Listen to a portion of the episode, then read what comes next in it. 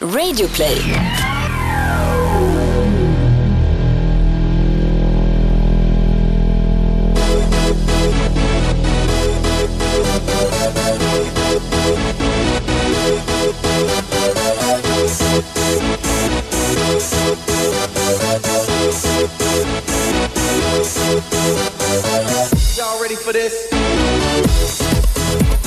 Varmt välkomna ska ni vara till Toto Balutto. Det är torsdag, jag sitter här med Thomas Wilbacher och med min egen storebror Isak Dalin. Varmt välkommen.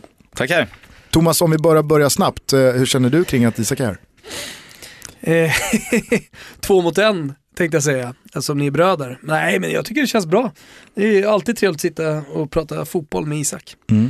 Känns också så att det, det är viktigt för eh, Toto Baluttos eh, street cred att vi inte bara är uppe på eh, Hasse Backe. Hasse Backe-nivå. Ja. Nej men det tycker jag och eh, vi kommer ju fortsätta så också. Nu har vi haft eh, gäster som är kända brett eh, och som har verkat med all respekt för Isaks gedigna fotbollsbakgrund ändå liksom på den verkligen stora fotbollsscenen. Men vi, vi har ju en plan att även ha med Isak-typer här i programmet också. Mm. Hur är läget med dig då? Det är bra. Det är bra. Du är nyss hemkommen från Leeds. Ja, exakt. Landade igår kväll. Ehm, jag har varit där på konferens med eh, akademitränarna i Hammarby. Hur var det? Och det var jättebra.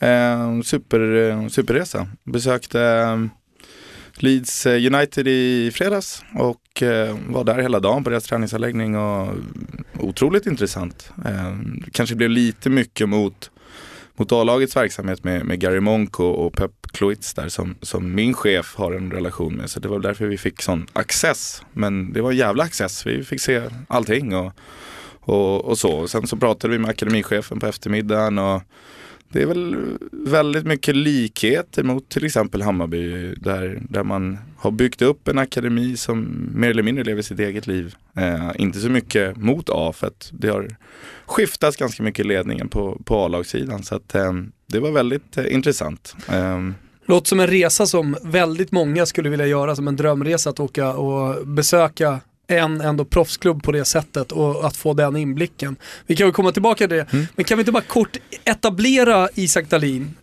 så alla är med oss här, vem vi sitter här med, förutom att det är din storebror Gustav. Jo, alldeles strax. Jag ska bara fråga, kom, fick du komma nära the big man? Ponne? Jajebux. Pony!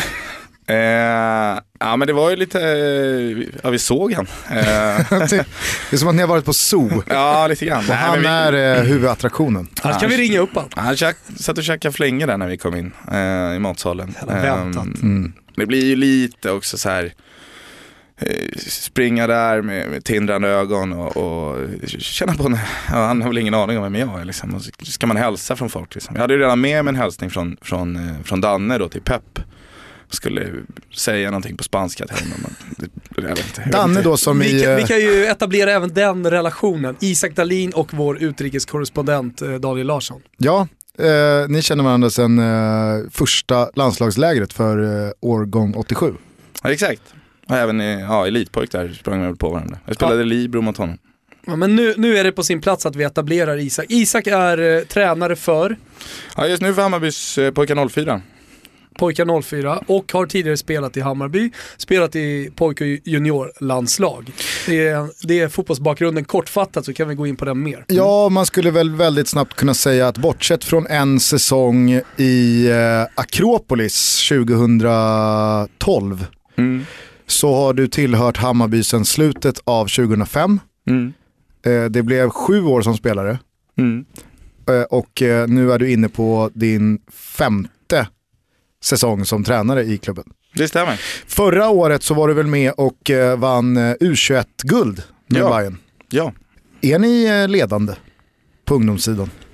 Eh, oj, vilken svår fråga. Ehm, ja, alltså ser man rent krast på hösten förra året, om det är det som ska bedömas så vinner vi U17, går till semifinal i U19 och vinner U21. Så att på, den äldsta, på de äldsta lagen så är det väl svårt att säga något annat. Sen som du bedömer det i att spelare slår sig fram och, och kanske inte bara är truppspelare i ett A-lag utan startar i ett A-lag, då då hoppas vi väl komma dit, men, men att säga det idag är väl orättvist mot andra lag. Ja, men det var väl lite också syftet, eller ni fick upp ögonen för det när ni var i Leeds, som har lyckats otroligt bra med det. Mm. Ja, exakt. De, de eh, av alla ligalag här nu, det är väl 72 stycken, va? det har väl säkert ni bättre koll på, ända ner till League 2, så, så eh, leder de just nu eh, den här homegrown players eh, statistiken med att ha flest egna produkter i, i sitt A-lag eh, och legat topp 10 de senaste 12 åren tyckte han sa. Deras akademichef. Och, och med det sagt, så, så, som jag sa innan, så har de ändå inte jobbat särskilt konsekvent med att A. Eh, bestämmer hur akademin ska jobba utan akademin har fått leva sitt eget liv och mer fokuserat på att utbilda spelare och ge spelarna så mycket verktyg som möjligt för att en manager framförallt i England men även i Sverige och sådär också. De, de kommer och går och att då bygga upp någonting som ska strömma ner till åttaåringarna för att sen två månader senare så kommer en annan eh, gubbe in och vill något helt annat. Det, det verkar vara en modell som de har lyckats väldigt bra med.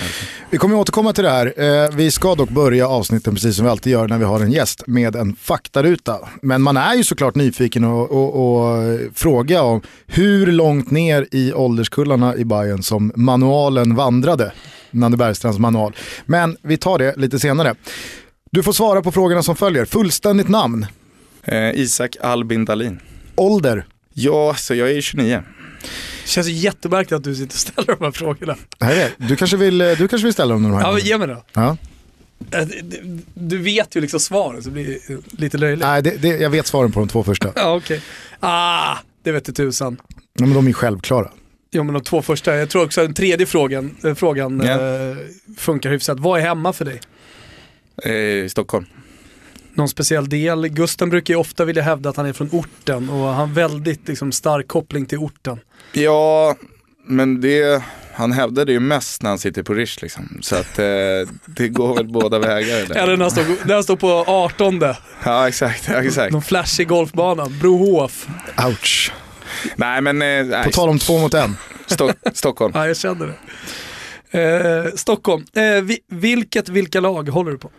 Ja, så jag håller på Roma eh, och det tror jag vore orättvist mot, mot eh, riktigt inbitna supportrar och, och, säga att man lever och dör för Roma så. Eh, jag fastnade för dem och för 15 år sedan ehm, och då är det väl där jag liksom bry mig eh, om det går bra eller dåligt. Eh, och sen så, så det är svårt att, att eh, inte ha upparbetat en relation till Hammarby. Så att, eh, Vi har ju pratat lite om det där eh, för ett tag sedan. Thomas har ju börjat svänga i den där frågan. Han eh, tycker ju numera lite mer som jag att man inte ska hålla på och gradera inbitna supportrar att deras åsikter och att deras känslor är mer värda än marginalsupportrar. I det här fallet då du till Roma.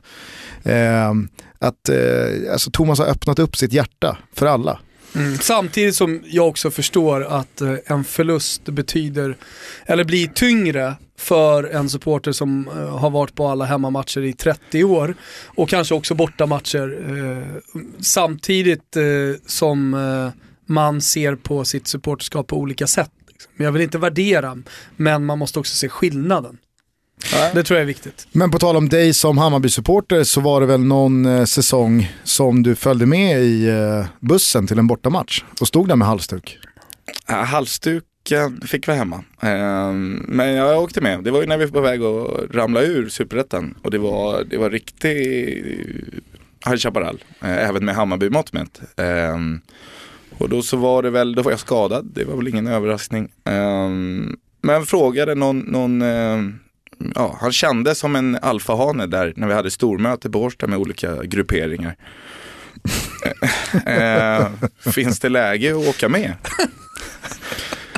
Och de blev ju jätteglada.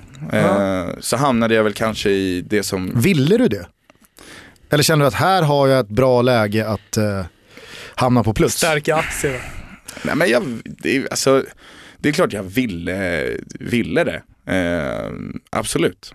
Eh, och jo, jag fick det och åkte med där och det var ju, det var ju, det var jävligt genuin åsikt i Det är att nyttigt också kanske. Ja men precis det jag skulle komma till. Att det, var, och det var fruktansvärt alltså. För att se vad de står ut med. Eh, det, var alltså, det var Västerås borta. Och det är klart att Västerås har väl en fraktion av, av eh, eh, eh, högljudda supportrar. Eh, men liksom, det var som att hela Västerås var utsatt för eh, här, invasion från Ryssland typ. Det var polishelikoptrar och hundar och hästar. Och, och det gick, det var liksom, det, enda som saknades var plasthandskarna och att man fick ta sig byxorna. Det var, det var sån jävla säkerhet som kändes helt onödig. Mm. Och de, alla var så otrevliga från polisens sida också. Men det blir ett uppviglande i sig. Ja, exakt. Och så, så här, vad, vad är det som händer? Är det alltid så här? Ja, ja, alltså, ja. Och de, var ju, de är så vana och det ska de ju ha otrolig cred för. Att de orkar stå ut med den här skiten. Alltså. Du hamnar aldrig i box då, på bortaresan där? Eh, nej, nej. Nej, kanske var tur det. Eh, finns det något lag, på tal om box då, eh, som du verkligen inte håller på? Eller som du kanske rent av föraktar? Lag? Mm. Eh, nej, så Västerås. Ja, exakt. eh, nej, men jag tycker väl, eh, det finns väl fler säkert som tycker som jag, att jag tycker att det eh, FC Barcelona har blivit, eh, det, det är väldigt svårt att sympatisera med. Mesquin klubb. Ja, precis. Ja, Eh, favoritspelare då, genom alla tider? Totti. Okej, jag trodde du skulle säga Dan Sahlin. Eh, en spelare som du aldrig riktigt gillat? Eh, Stefan Lichsteiner. Ja, där har ju, det är mycket gemensamt med din bror här. Han brukar ju komma på tal där spelare som han inte tycker om. Ja, men jag tror att just på den här frågan så håller jag däremot, det korrelaterar ju med Isaks förra svar då, men eh, Ja, Jordi Alba. Jordi Alba är ju inte... Ja. Intressen utanför fotbollen, är det golf precis som eh, lillebror? Ja, men det är, väl, det är väl som många storebror lillebror relationer. När storebrorsan tröttnar så tar lillebrorsan över intresset. Liksom. Ja. Eh, jag spelade jättemycket golf sista åren vi spelade, eller jag spelade fotboll. Men då hade man ju mer tid och möjlighet att spela. Jag tycker det är jättekul att spela golf. Eh, Andra intressen då? trav eh, är väl, ja, det är väl det ärliga svaret. Stor eh, trav eh, supporter höll jag på att säga, men gillar trav väldigt mycket. Ja, jo, det gör jag. Jag har Eh, ju... Eh, Hur uttrycker sig det här intresset? Jag, alltså, från, det, från början så var det att jag, jag, jag hade inte så mycket kompisar när jag var liten. Ehm, utan det, min morfar var min kompis. Ehm, och han tog med mig på Valla. Ehm, och ja, det är väl en klassisk historia. Och fastna. Och sen så höll på att härja, höll på med ponnytrav två vintrar. Jag tror inte farsan var helt nöjd med det. Ehm, praoade i stall och jobbade extra på travronden och sådär. Så att, ehm, du, praoade, du praoade väl hos Jim Frick, ja visst. som numera mår ganska dåligt. Nu mår, han- nu mår han väl bättre. Men han var ju med om en olycka och det var väl väldigt, eh, väldigt illa. Men han har väl repat sig någorlunda i alla fall. Jag skulle säga det att jag har ju faktiskt vissa dagar sen avsnittet med Hasse Backe gått och bitit mig i tungan och eh, ångrat att du och jag inte såg den eh, bollen som Hasse bollade upp. Att ingen av oss smashade in då och kontrade med att du och jag faktiskt har ägt en häst ihop. Ja, det var ju inte under lång tid, tillsammans ska sägas då. Ja, men Hasse med- Backe var ju, det var ju vårt mest lyssnade avsnitt och att Ja. vi missar att leverera den kanske roligaste anekdoten vi har tillsammans. Den är ju mörk. Jo, den är mörk men den är ju väldigt roligt också. Vi, vi ägde en häst tillsammans med eh, Fredrik Pavlidis, Kristoffer Kviborg, Daniel och Sam Larsson. Ja. Eh, Och Sams pappa. Och Bosse- Sams pappa. Bosse Larsson. Bosse, Bosse. Larsson. Sams och utrikeskorrespondentens brors eh, så pappa. Och Daniel Olenklint. Vi eh, går in med pengar i den här hästen. Den första hästen får leukemi. Den jävla Det är ju blodcancer. kryddade, men den, den, den finns inte mer. Olenklint trollar med knäna och lyckas lösa en, eh, en, en ny häst. Ja. Och liksom inga extra pengar och vi har fan dragit vinstlotten här för att vi har fått en ännu bättre häst. Ett och ett halvt åring eller vad den var. Där. Tunika syrra, unika. Ja. Tunika helsyrran hade sprungit in några miljoner och det var så här, här, det här är kanon. Men Unika spås en ännu bättre framtid. Så att alla var ju eld och lågor. Fan vad skönt att Up and Down Quadrado som du hade döpt den till. Vad härligt att den catchade den där hudsjukdomen.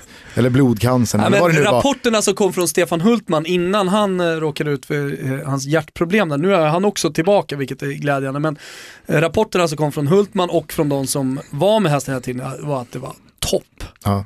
Top notch. Hur som helst så trillade in ett mail sommaren 2015 då, från Olen Klint där det bara kort och koncist står att eh, igår så avled tragiskt nog Unika efter en penicillinchock.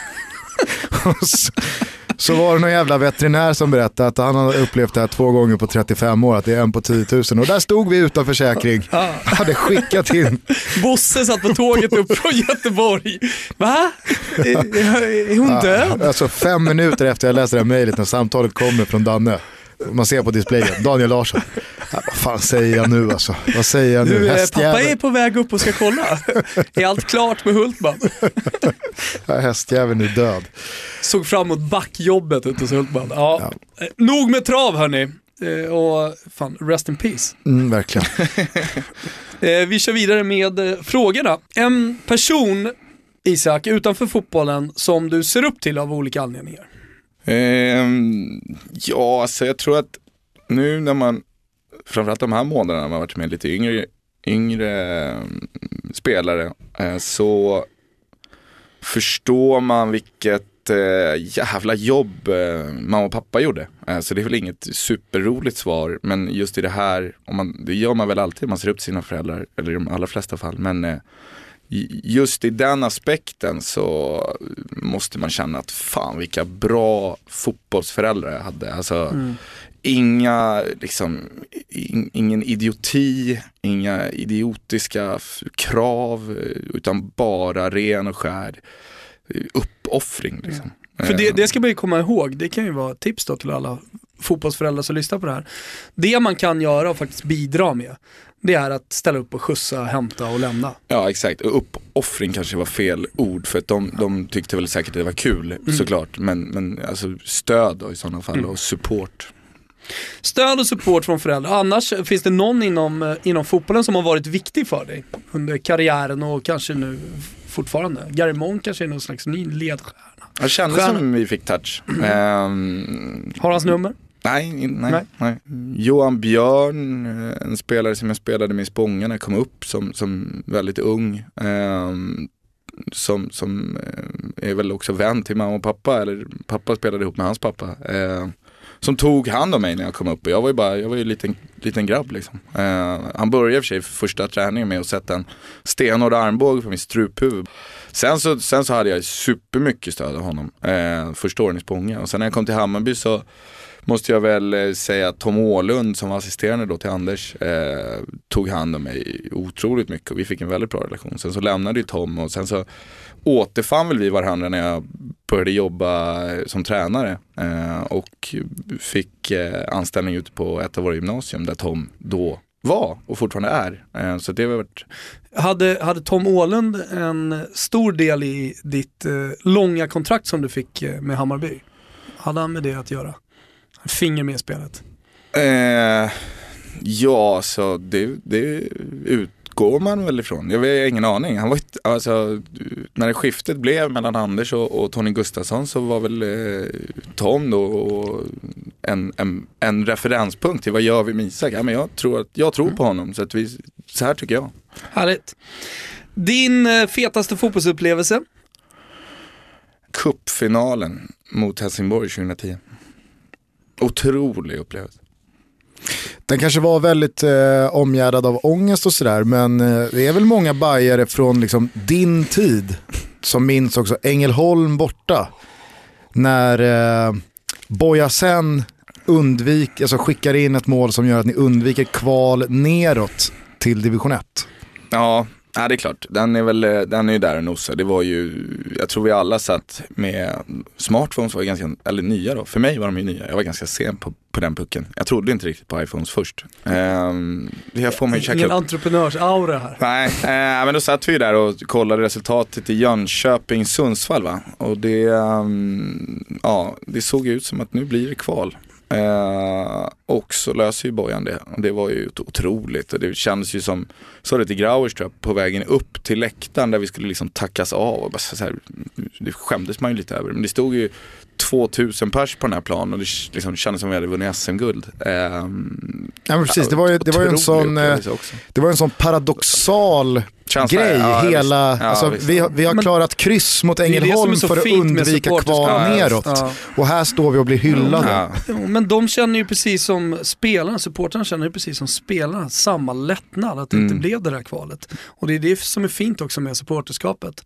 Jag såg eh, från förra helgen när eh, Atalanta förlorade med 7-1 mot Inter.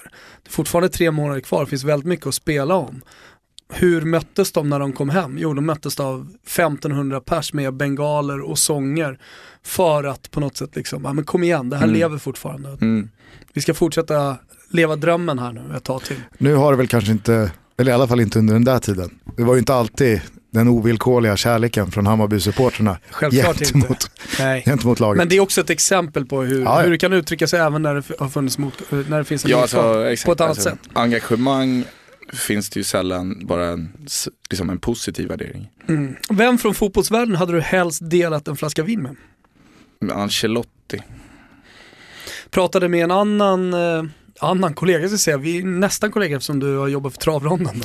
Då. Eh, ja, Stretch. man söker. Stretch. Ja, exakt, det, det är fortfarande fan mer rimligt att du säger så än att säga, "Ja, jag lirade ju i... eh, ja, exakt. Ja, men intressant att du nämnde, du är en ung tränare, upcoming, som, som håller på med någonting. En, eh, en kollega då, Kalle Karlsson som jobbar för, på Bladet, han håller ju också på eh, att skapa sig någon slags tränarkarriär nu i Vasalund. Förra året så nådde han framgångar med Karlberg. Eh, och han, han har nämnt flera gånger just Carlo Ancelotti. Vad, vad är det med honom som du tycker känns sådär extra speciellt? Du, du kunde ju välja Mourinho eller vem som helst, men just Mm. Carlo Ancelotti. Ehm, ja, jag tycker att han har, han har vunnit eh, var han än har kommit. Han har vunnit på ett sätt som, som känns otroligt eh, ödmjukt. Det känns som han, ehm, alltså, all- många spelare gillar ju tränare som han har vunnit med. Men det känns som att Ancelotti, han gillas var han än kommer av vilka spelare han är och som om, ja, som sagt, alltså, man får ju gå på media, man har ingen aning om vad Cristiano Ronaldo tycker. Men när han får gå från Real så kändes det som att det var ju katastrof tyckte spelarna. Eh, och det känns som att den auran har han haft var han än har varit. Ehm, plus att han, känslan är att han liksom har gått från en framgångsrik fotbollsspelare ehm, men heller inte fastnat i något form av tränarfack. Utan han har liksom varit väldigt mån om att hela tiden vara up to date. Eh, tror att han är väldigt bra på att bygga ledarteam och ge liksom, ledare förtroende. Eh, och det tycker jag avspeglas i hans resultat. Xabi Alonso annonserade ju sitt avsked från elitfotbollen här nu för några dagar sedan. Och då gjorde han ju det, om inte på så i alla fall i samband med en presskonferens tillsammans då bredvid Ancelotti. Eh, och då satt ju de och pratade väldigt eh, vördnadsfullt om varandra. Och då sa ju Xabi Alonso då att eh, jag har mött Ancelotti innan och vi kamperade ihop i Real Madrid och sen kom vi ifrån varandra och nu är vi i Bayern München tillsammans. Och ja, men, eh, han, är, han är absolut eh, världsklass i, som en tränare men också som människa. Det fick man ju verkligen Mm. känslan av. Mäktigaste numret du har i din telefonbok? Eh, ja, ehm, Är det Gusten Dahlin? Känslan är ju så. Just att få någon annans nummer. Eh, alltså jag har ju inte så jävla mycket roliga nummer. Alltså det är väl något nummer som typ ligger kvar från man har Om, spelat. om, liksom. eh, om, som förmodligen eh, inte skulle funka om man om du talar ringa. di- direkt till Hammarby-supportrarna då? Vilket är ditt mäktigaste nummer då? Kenkans har du väl?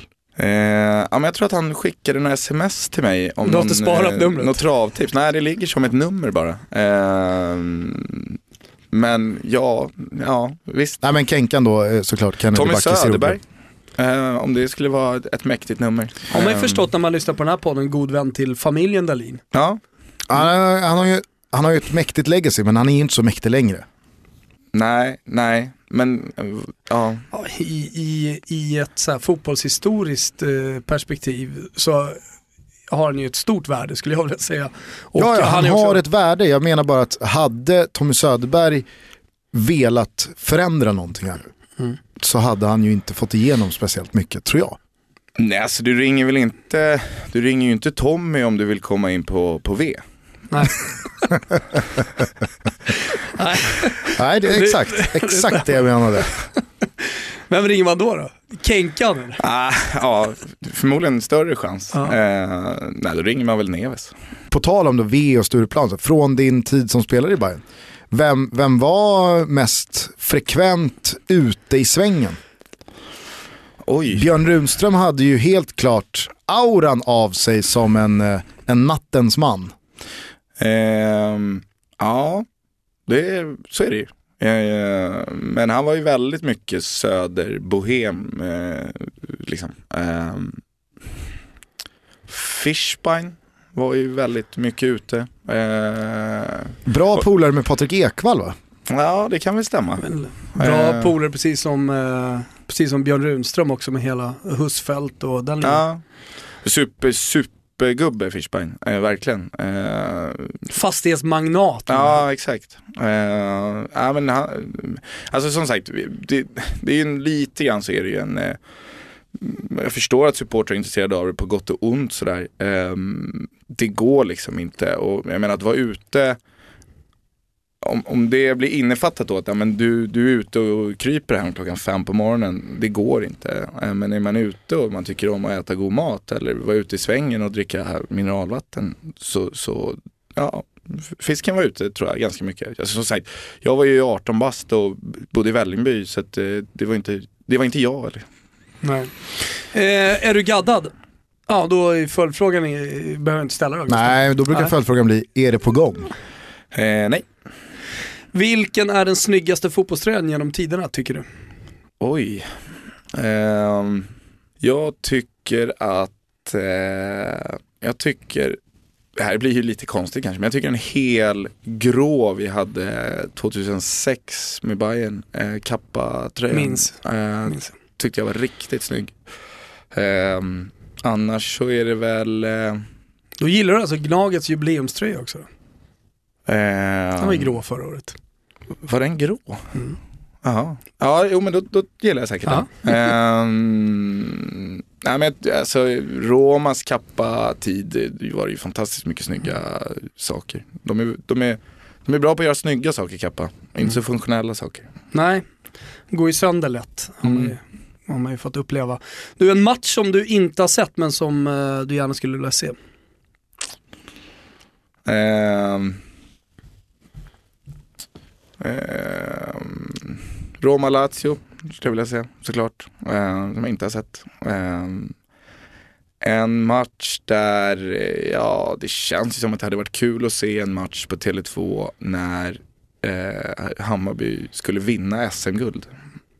Slags avgörande match där Ja. en, en Jo det kanske man ska lägga till. står i, Alltså 2014 års match mot Jönköping var ju, det var ju en ganska fet fotbollsupplevelse. När man går upp. mm. 5-0 va? Ja, Och Kennedy Bakircioglu gjorde två mål. ja missar väl en straff också va? Ja, absolut. Du, eh, Då sista, måste det varit bra drag ute på stan den kvällen. Ja, det var ju en otrolig kväll. Den otroligt. nyligen, eh, eller den avgående sportchefen eh, Mats Jingblad var väl i kanonslag. Ja, det var väl, eh, det var väl de flesta. Men det dök ju upp ganska många Jägerbombs där på kvarnen. Eh, som säkert Mats drack några av. om inte Messi eller Ronaldo fanns, vem är då världens bästa fotbollsspelare? Det är ju klart att nu kanske man sitter lite som, som nyhetens behag här, men jag har väl, jag har tyckt det ganska länge. Jag tycker Sergio Ramos är en fantastisk fotbollsspelare. Och jag tycker han, De har fått vatten på den kvarnen också. ja såklart. Eh, Men det Men du visst är, innan. visst är det frustrerande när sånt händer? När liksom den stora massan börjar fatta grejen för sent. Men Ja. det är ju sanslöst om man har börjat fatta Sergio Ramos-grejen lite för sent. Han led Du ju, förstår väl vad jag absolut, menar? men han led ju faktiskt lite för länge av misstagen under VM 14. Som också var en kollektiv kollaps av Spanien när de åkte ur gruppspelet. Men där eh, man hängde väldigt mycket eh, Sergio Ramos. Mm. Det, Och ja. när man börjar ställa honom då mot tidigare världsbackar som inte längre är aktiva så ja, men, ham- hamnar han utanför den ligan. Men där han nu är tillbaka in i värmen igen. Erik Niva skrev ju en uppmärksammad krönika om det, alltså jämför med Jag tycker Baresi Maldini. Otroligt bra krönika. Ja. Och, och där, där man verkligen höll med också. Mm. Han satte huvudet på spiken lite. Men det här är någonting som du har tänkt eh, under längre tid? Man undrar ju om någon fick upp ögonen för Erik Niva i och med den här texten. Att, På, ja, på ja, spåret ja, debaclet. Men Jag de har- 16 år Är Nivas insats i På spåret Sergio Ramos VM 14? Kan vara. nu ska han tillbaka. Nu har den långa vägen upp mot toppen eh, börjat. Eh, Okej, det där var faktarutan. Bra jobbat Thomas. Idag så hörde vi att du tränar pojkar 04 i Bayern. Ja. Du har varit involverad i U19, U17 och U21 under de här senaste fyra åren, eller hur? Eh, om du börjar innanför din klubbs eh, dörrar och ramar, hur eh, skulle du säga att Hammarby IF mår som fotbollsförening? Idag, Mm. det är Det väl... har ju varit ett turbulent 2000-tal. Ja, det får man ju säga. Eh, jag tror att man mår förhållandevis bra. De, de allra flesta fotbollsklubbar kan nästan alltid må bättre. Det kan säkert Hammarby också göra, men, men ur, ur ett eh, retroperspektivt eh, hänseende så, så tror jag att man idag mår eh, ganska bra. Rent eh, ekonomiskt och, och organisatoriskt och, och om man tittar där jag är i, i vår akademi så, så eh, tror jag vi mår bättre än någonsin i akademin. Nanne kom ju in med buller och brak inför säsongen 14, pratade om att eh, om fem år så ska jag spela Champions League med Hammarby och eh, vi har alla, alla förutsättningar för att bli Nordens ledande fotbollsklubb. Nu är Nanne Bergstrand borta ur bilden, men hur upplevde du hans tid i Bayern? Vad, vad påverkade han? Du nämnde ju kort att du tror att det kanske inte är speciellt eh, troligt eller lätt att genomföra att en A-lagsverksamhets idéer och eh, förutsättningar ska rinna hela vägen ner till åttaåringarna. Men det var väl lite det som Nanne predikade, att hela klubben måste stöpas i samma form. Ja, alltså utåt sett kan jag förstå att det kanske var en sån eh, bild. Mm, internt så var det inte så mycket så. Eh, jag tror Nannes eh, största impact var att om man tar Greg då som han företrädde, eller efterträdde. Eh, så, Med Denneby en kortis emellan. Ja, exakt. Ehm, absolut. Och, och jag tror att man inför 14 eh, fick ihop bitarna med, med rätt spelare i rätt ålder, i rätt liksom, situation. Och Nanne var helt rätt tränare med den erfarenheten han har. Att maximera de spelarna och och eh, vinna superettan, eh, som- eller gå upp i allsvenskan som var otroligt viktigt där och då att man gjorde. Sen så tror jag att man fick lite för blodad tand lite för snabbt. Det, det kanske inte var så mycket Nannes, eh, Nanne kunde kanske inte göra så mycket eh, i den aspekten. Men varför tror du han fick gå då? Jag kan tänka mig eh, att eh, man Jävlar vad kände- defensiv du. Ja, men att man kände att, att eh, det behövdes något nytt. Man hade, man hade liksom nött varandra lite liksom till vägs ände på något sätt. Det gick inte att få ut Eh, så mycket mer och det tror jag var ömsesidigt. Det, är- det är jag nästan övertygad om. Att Nanne var klar med Hammarby och Hammarby var klar med Nanne. Men om du tar det från ditt perspektiv, då, både från hur det var som spelare i ett A-lag men också som ledare i en organisation. Hur mycket skulle du säga händer när du skiftar A-lagstränare, i det här fallet också kanske en, en filosof eller en, en större person än bara A-lagstränare som jag upplevde att Nanne var för Hammarby. Det var ju som, han var ju som en profet lite i, i början under sin första tid. Börjar man om på ruta ett här nu med Mikkelsen eller plockar Mikkelsen upp Alltså, en fackla? Jag, alltså du bedöms ju, tror jag, alltså överlag eh, så bedöms du krasst på hur det går. Eh, och, och Nanne fick ju en extrem impact på grund av att det gick bra första året. Eh, och när det inte går bra, eller ja, relativt sett, man hade nog högre förhoppningar eh, både 15 och, och nu börjar man väl 15 med att vinna fyra raka matcher? Eh, visst var det så? Mm. Eh, Jag tror man hade tio efter fyra. Ja, oavsett vad. Men du, du, du, du gör det på ett väldigt bra sätt och då fortsätter ju den här eh, impacten som, som Nanne hade. Och sen när det inte går bra så, så börjar folk att tvivla mer.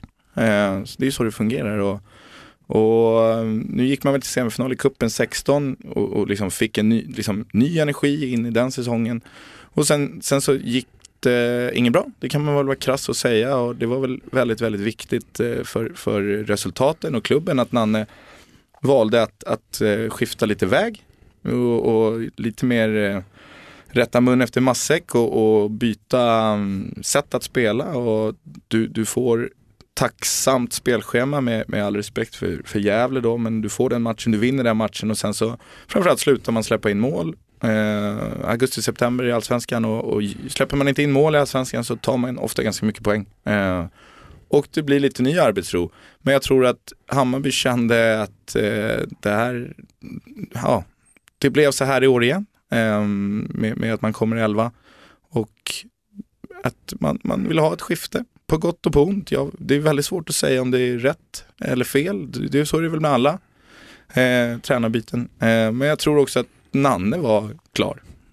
Faktiskt. Det eh, kändes ju som att energin hade lite gått ur det ja. samarbetet. Så att säga. Ja men det kändes också som att det hade blivit en skilsmässa mellan honom och supportrarna. Eh, hur mycket tror du den breda massans åsikt om att vi gärna ser Nanne lämna påverkade beslutet? För det har ju varit ett par tränarskiften i Hammarby som har känts som en direkt, eh, eh, alltså det har varit ett direkt resultat av att man har stått och ropat på en avgång. Mm. Men så är det ju. Det är väl, det är väl framförallt eh, Stockholmsklubbarna, eh, Malmö, Göteborg, där, där du kanske en, alltså kanske framförallt AIK, Hammarby, eh, där, där du lever väldigt nära den stora massans åsikter och de högljuddas åsikter. Och, och, det är klart att det tror jag påverkar många beslut i, i de klubbarna. Eh, indirekt framförallt, eh, inte särskilt mycket direkt. Men jag eh, flög hem igår så överlyssnade jag, det var lite luddigt, men jag tycker Thomas var något på spåren med den här skalan du presenterade eh, då. Det är Hasse Backa-avsnittet. Du rider ut i lämplighetsskalans försvar. Ja, men lite grann så, så, så, så tror jag att det är en väldigt, det är en faktor inom fotboll som, som är så intressant att prata om. Att det handlar om, om eran roll i det. Om liksom Erik Nivas roll, eh, Daniel Kristofferssons roll, supportrarnas roll. Det, när man, om man suttit som jag lite grann i, både som spelare och tränare, i stormens öga lite grann i en så pass stor klubb, så kan det vara otroligt frustrerande att åsikter ventileras av människor som faktiskt inte har, de har inte en jävla aning om vad fan de snackar om. Men de har kanaler som gör att det påverkar så pass många att det då kommer tillbaka till oss och påverkar oss. Och det, det är liksom den, den cirkeln, det, det, kommer aldrig gå att göra något åt. Det är så fotbollen är uppbyggd. Jag förstår ja, men Den måste ju vara måste så finnas, också. Absolut, absolut. Men ibland så kan jag önska till exempel som, eh, jag, jag tror att de mest framgångsrika klubbarna över tid, oavsett förutsättningar eller vad man ska säga. Det, det finns säkert, alltså mindre klubbar upplever säkert samma sak i en mindre skala mm. med att, att eh, lokalpress och, och sådana saker får kanske till och med de som sitter och bestämmer, att de påverkas av det. Eh, men de klubbarna som, som kan bortse från det och bygga liksom teflonskydd runt sig tror jag överlag kommer ta väldigt mycket mindre populistiska beslut och på det sättet också faktiskt kunna bygga något bra över längre tid. Så att du står bakom lämplighetsskalan och eh, önskar att eh, färre personer utan inblick eh, slår på den stora trumman. Lämplighetsskalan kanske måste förfinas lite men tanken var väldigt, väldigt bra. Ja, men jag tror så... också att, för, om jag bara får avbryta här, så tror jag att du i din roll från ditt håll, i det här fallet då Hammarby, också glömmer det, det, det, goda med det onda. För att det här som jag kan förstå upplevs som ett problem inifrån Hammarby, det är ju också ena sidan av myntet som på andra sidan heter 25 000 pers på läktaren hemma mot Jönköping Södra och det är party gånger 15 varje säsong och det snackas och det skrivs och det sjungs och det marscheras på Söder. Alltså det, det, det går ju inte att behålla den grejen och bli av med den andra. Nej, och jag ska bara säga det på tal om lämplighetsskalan. Om vi har nya lyssnare så handlar det alltså om eh, att man borde sätta sig själv på någon slags lämplighetsskala av att tycka saker och ting. Så om man är då en Real Madrid-supporter och dessutom har spelat på sitt lag och så får man då en straff emot sig, ja men då hamnar man på väldigt lågt i lämplighetsskalan. Är man däremot mer objektiv och dessutom är till exempel då en gammal spelare som har spelat på den nivån och så vidare, ja men då hamnar man väldigt väldigt långt upp på lämplighetsskalan och får högt betyg. Det var egentligen kortfattat så det, det jag ville säga med den. Kanske just därför det är så svårt att prata om FC Barcelona. För att det är ingen som är riktigt objektiv när det kommer till Barcelona. Vissa lag är ju svårare att vara objektiv kring för man har väldigt mycket känslor till dem. Eh, antingen kärlek eller hat då. Jo, vad, vad... Och det, det upplever jag, ska säga också, i allsvenskan väldigt, väldigt mycket. Att eh, supportrar generellt sett har en, alltså går in i diskussioner oavsett om det är ett domslut eller om det är någonting annat. Man går in väldigt mycket med, sin, med sitt hjärta i handen och, och tycker och tänker om saker och ting. Eh, vilket gör att eh, jag tycker att diskussionerna ibland mellan supportrar blir lite pajkastning och eh, jag håller mig gärna utanför det själv. Men det är, och det, vad, vad, är, vad är objektivitet i fotboll? Det, går det att vara det? Det kommer ju alltid, det, liksom, vad säger man? Att det, det, det är väldigt sällan det finns också I ett rätt eller... slutet av dagen. Ja men i slutet av dagen är det också väldigt sällan det finns ett rätt eller ett fel. Det är väldigt sällan det är svart eller vitt utan fotbollen är ju så många nyanser.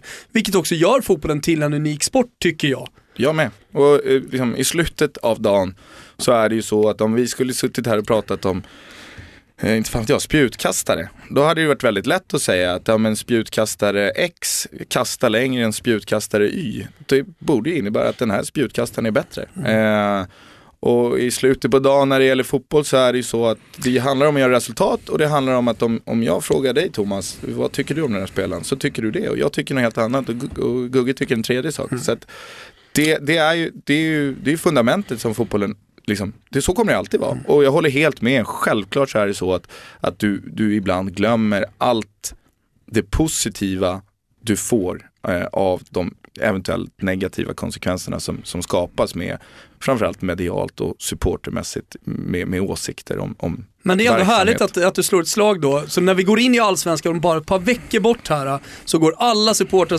som, lyssnar på Toto Balotto in i allsvenskan med lämplighetsskalan någonstans i ryggen och innan man tycker någonting så sätter man sig själv någonstans på den här skalan. Och så kan alla Hammarby-supportrar som lyssnar på det här ta med då Isak Dahlins ord att vi ska hålla käften kring allt som vi inte vet någonting om. För att det blir fel annars.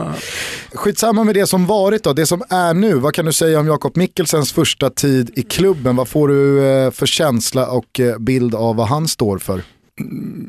Ny, alltså, ny start såklart. Eh, jag var inne på förut, det, det blir så per automatik och, och eh, en, en, eh, en tränare som kommer från en annan generation än, en eh, Nanne. En, en ung tränare som, som har gjort väldigt mycket ändå i sin eh, karriär som inte är så pass kort utan han har ju faktiskt en jävligt gedigen eh, bakgrund de senaste 15 åren även fast han bara är, eh, knappt 40. Eh, och tar Sönderjyske till, till eh, succé succéresultat och, och kommit in här med, med väldigt mycket ny fräsch energi.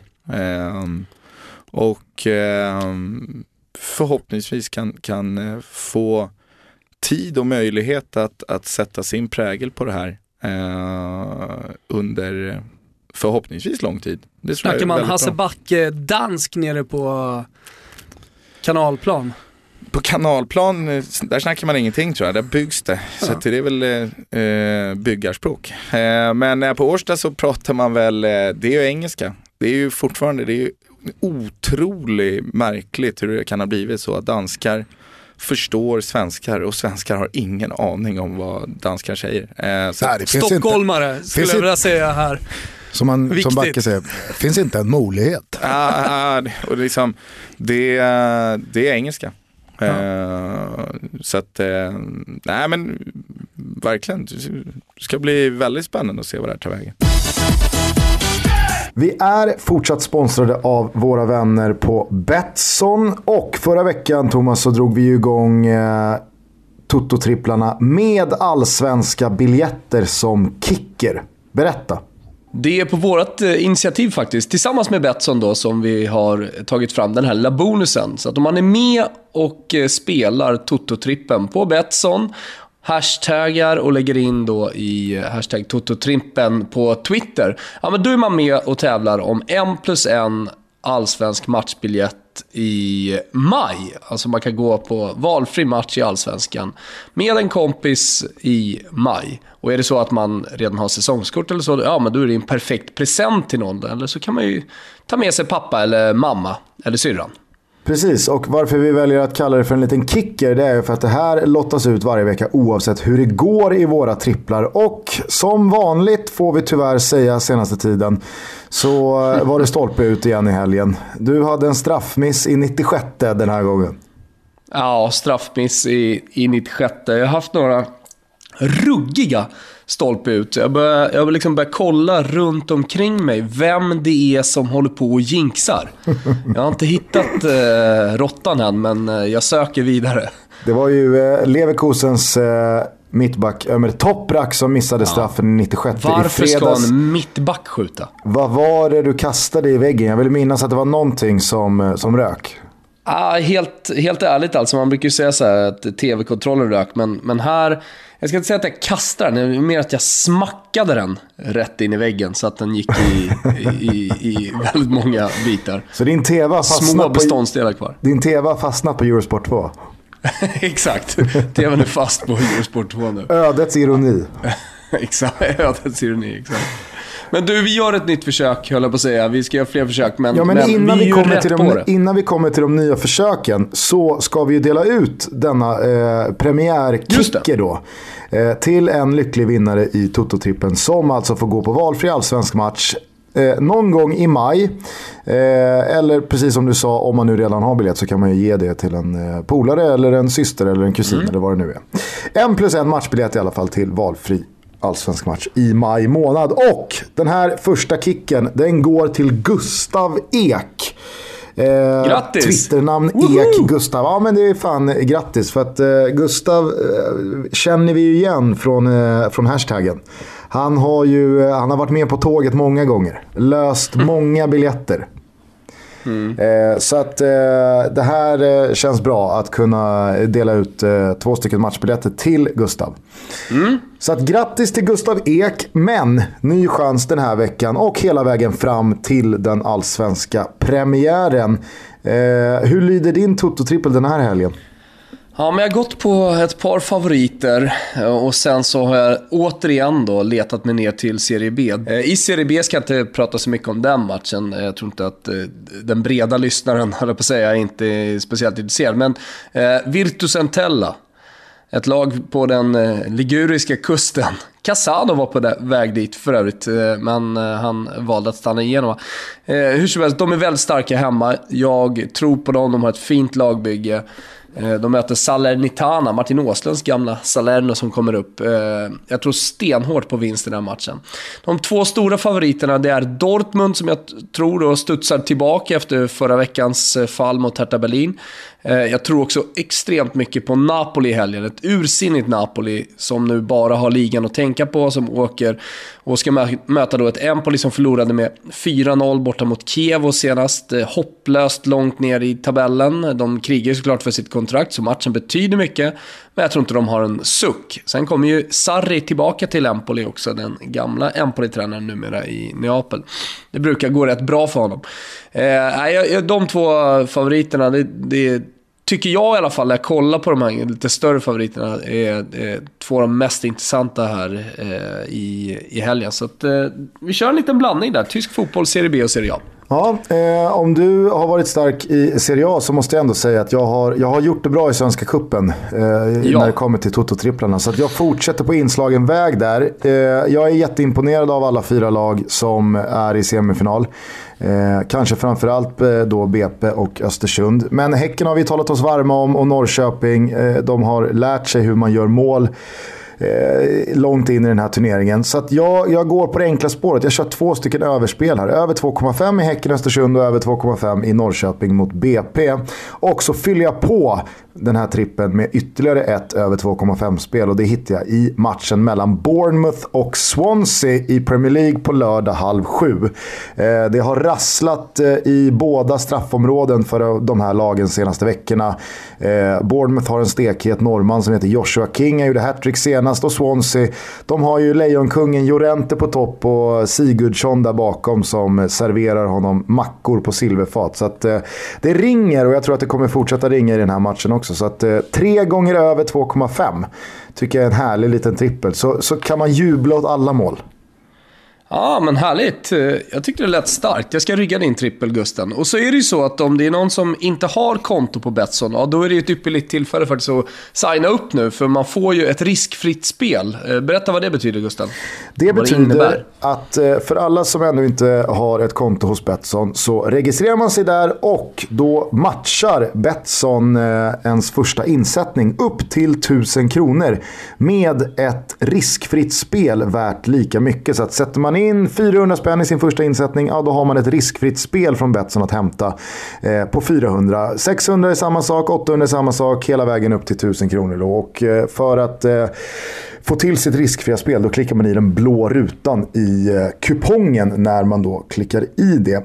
Precis. In och rygga då Toto-tripplar. Glöm inte bort att hashtagga så ni är med och tävlar om eh, allsvenska matchbiljetter i maj.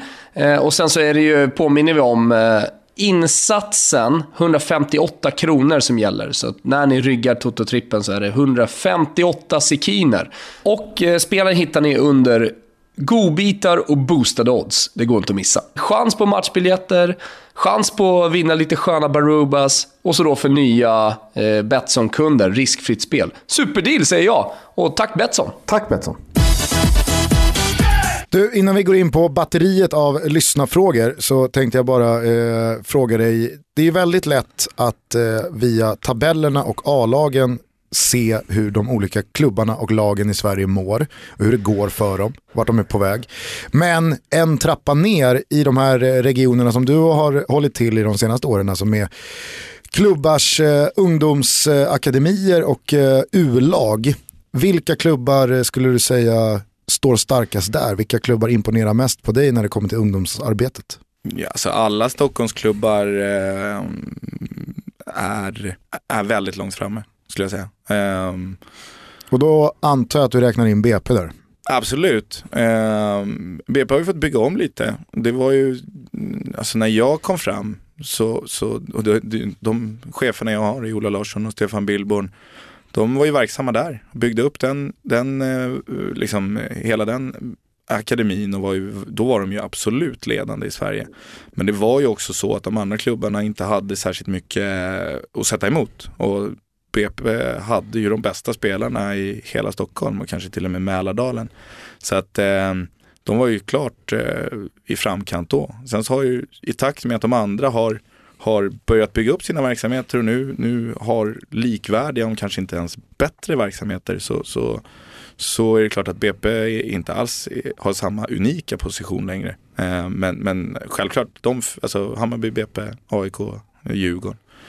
Utanför Stockholm då? Vilka klubbar? Ja men det var det jag skulle säga, just med Stockholmsklubbarna så har det också blivit så att du har, du har mindre klubbar som Djursholm till exempel, eh, som var i, i U17-final här för två år sedan. Eh, Lidingö, eh, det finns säkert fler, men, men de har ju också sett till att vi i de större klubbarna var tvungna att spetsa våra egna verksamheter för att annars så, så kanske spelarna tycker att det är mer attraktivt att vara kvar där de bor. Eh, för att Djursholms verksamhet är minst lika bra som våran. Nu hoppas ju och tror vi att våran är mycket bättre. Men det har ju också drivit på utvecklingen framåt. Får jag bara ställa en Mm. fråga där? Eh, Jag pratade lite om det senast. eh, Jag, nu har jag precis börjat då min tränarkarriär Mm. med flickor 09 ute i Rönningen. Det har ju gått bra, jag är obesegrad efter två kupper och tjejerna blir bättre och bättre för varje träning. Positivt, men eh, när jag då har gett mig in i föreningslivet eh, och pratat med folk så, så tycker jag mig ha sett Eh, och upplevt att det, det går nästan inflation i uttrycket akademi runt om nu. Eh, det, det ska byggas akademier till höger och till vänster och i var och varannan klubb. Jag tror till och med att Nackdala eh, som är liksom en, en sällsynt sorglig turné, eh, eh, klubb, är på gång att bygga någon slags akademi i södra Stockholm. Eh, Håller du med? Alltså? Va, vad är, hur definierar man ens en akademi? Man kan ju argumentera för att en, eh, en eh, ungdomsförening eller en klubb med ungdomslag är en, någon slags akademi. Om jag ska definiera det, då är det att, att förut, som till exempel när jag och Gusten växte upp i Spånga, varför de nu skulle starta en akademi, det hade ju bara blivit De är nog på, på väg att Ja, starta en säkert. akademi. Men då tror jag att då var det liksom Jag tror min- alla klubbar ja, tänker tanken. Men då var det min årskull hade sitt, sin tränare, eh, 89 hade sin tränare. Mm. Det fanns någon form av administrations eh, liksom, grej på kansliet i Spånga som, som tog betalt för lagavgift. Typ. Jag kan tänka mig att akademi, eller så som jag skulle definiera det så är det ändå att alla vi tränare i akademin har samma chef. Vi, vi regelbundet och systematiskt utvärderas i vårt arbete. Vi, vi strävar mot samma mål. Eh, det, det är väl en mer liksom en, en eh, professionalism i det eh, kan jag tänka mig. Och nu är vi väldigt tacksamma arbetsförhållanden där, där samtliga av våra huvudtränare är, är heltidsanställda. Eh, och då då kan jag tänka mig att det bakas in i ordet akademi. Men framförallt att det inte är en massa öar i en ungdomssatsning. Utan alla ska ligga under samma paraply med samma chefer. Där du jobbar tätt ihop i blocken. Eh, och strävar mot samma mål. Som, som i vårat fall då är att få upp spelare till vårt A-lag. Eh, men det var det jag skulle fråga kring just Hammarbys sätt att arbeta då med sin akademi. Nu kanske det är orättvist mot Mikkelsen i och med att det bara har gått två, två och en halv, tre månad. Men hur bra koll hade Nanne och då antar jag att Mikkelsen ska förväntas ha på en mittfältare i U17-laget? Okej, skulle jag vilja säga. Alltså, U17 och U19 har jobbat eh, faktiskt eh, väldigt tajt de åren som, som jag har varit i Hammarby mot att då U21 som är en ren, eh, ren matchserie där det inte är någon trupp som tränar utan det är bara matcher. Eh, och där har ju vi bemannat U21 väldigt mycket med framförallt U19-spelare och då, då blir det ju per automatik så att du som A-lagstränare får en bra koll och, och så, så fort det har fattats både numerär framförallt numerär såklart i träning, ja, så har vi fyllt på med U19-spelare och då skapas det ju en, en, en koll. Eh, Bestäms det underifrån eller ovanifrån vem eller vilka som ska upp i A-laget? Både och skulle jag säga. Eh, ibland så är det positionsmässigt, ibland så är det att nej men det spelar ingen roll vilken position, ni ska slänga upp er bästa spelare. Eh, och det, det, ja, det förväntas att man har koll tror jag på ett U19-lag om du är allsvensk tränare, absolut. Och det tror jag de allra flesta allsvenska tränare har. Samtidigt som, som om du är rent krasst också så är det ju faktiskt så att det är det viktigaste för den allsvenska tränaren är ju att vinna nästa match i allsvenskan. Kortsiktigt och i, i vardagen. Eh, men, men på längre sikt så är det väl jätte, jättebra att du har koll på vilka spelare som kommer underifrån och vilka som knackar på. Och vad de har för egenskaper och hur de rent konkurrens, konkurrensmässigt står sig i, i, eh, i förhållande till A-lagstränarens egna spelare i A-laget. Eh, vi hann ju inte mycket längre än till Mälardalen. Utanför Ja. Mälardalen, vilka klubbar eh, tycker du är ledande på ungdomssidan?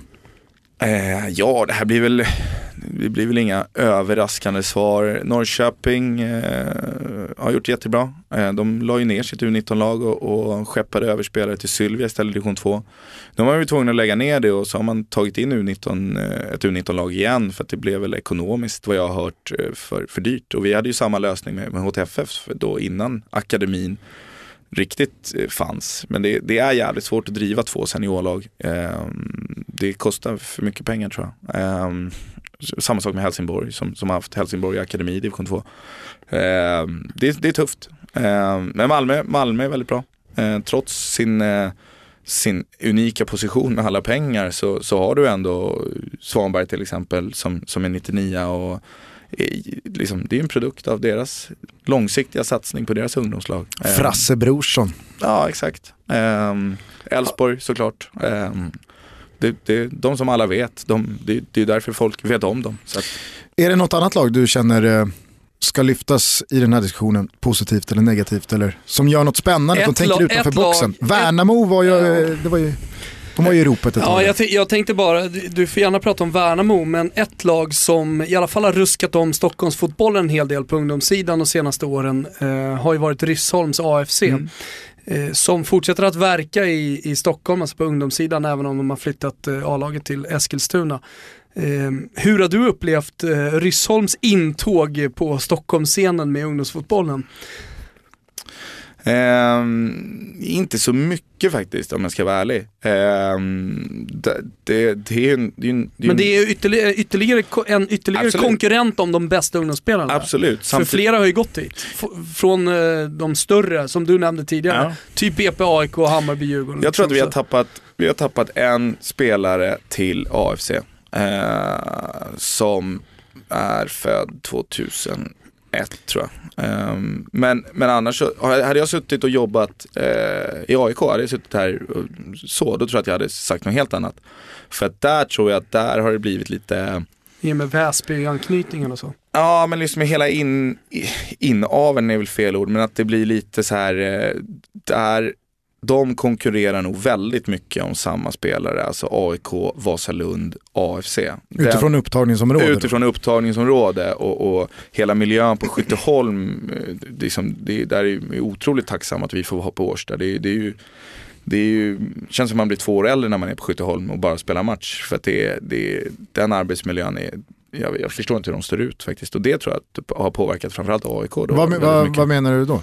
Men det är extremt mycket som händer. Väl, alltså om du, nu har vi väl haft förmånen att få vara på A-plan väldigt mycket med U19 och sådär. Och där är det klart att där kan du väl fokusera till viss mån väldigt bra på matchen. Men är du på B eller C-plan då är det ju det är som att vara i ett köpcenter på, på löningsfredag. Liksom. Det är ju folk överallt, hela tiden på Skytteholm. Um, för att det ligger som det gör ja, det ligger som det gör. Alltså, det, det, det, det, är ju ingen, det här är ju ingens fel, eller det ska inte tolkas som, mer att man är väldigt glad att vi har fått vara på Årsta, att kunna bedriva träning där. Kanske med... snarare en känga till eh, Stockholms stad. Ja det är väl Solna, Solna stad då. Ja, ehm, Solna också. Då.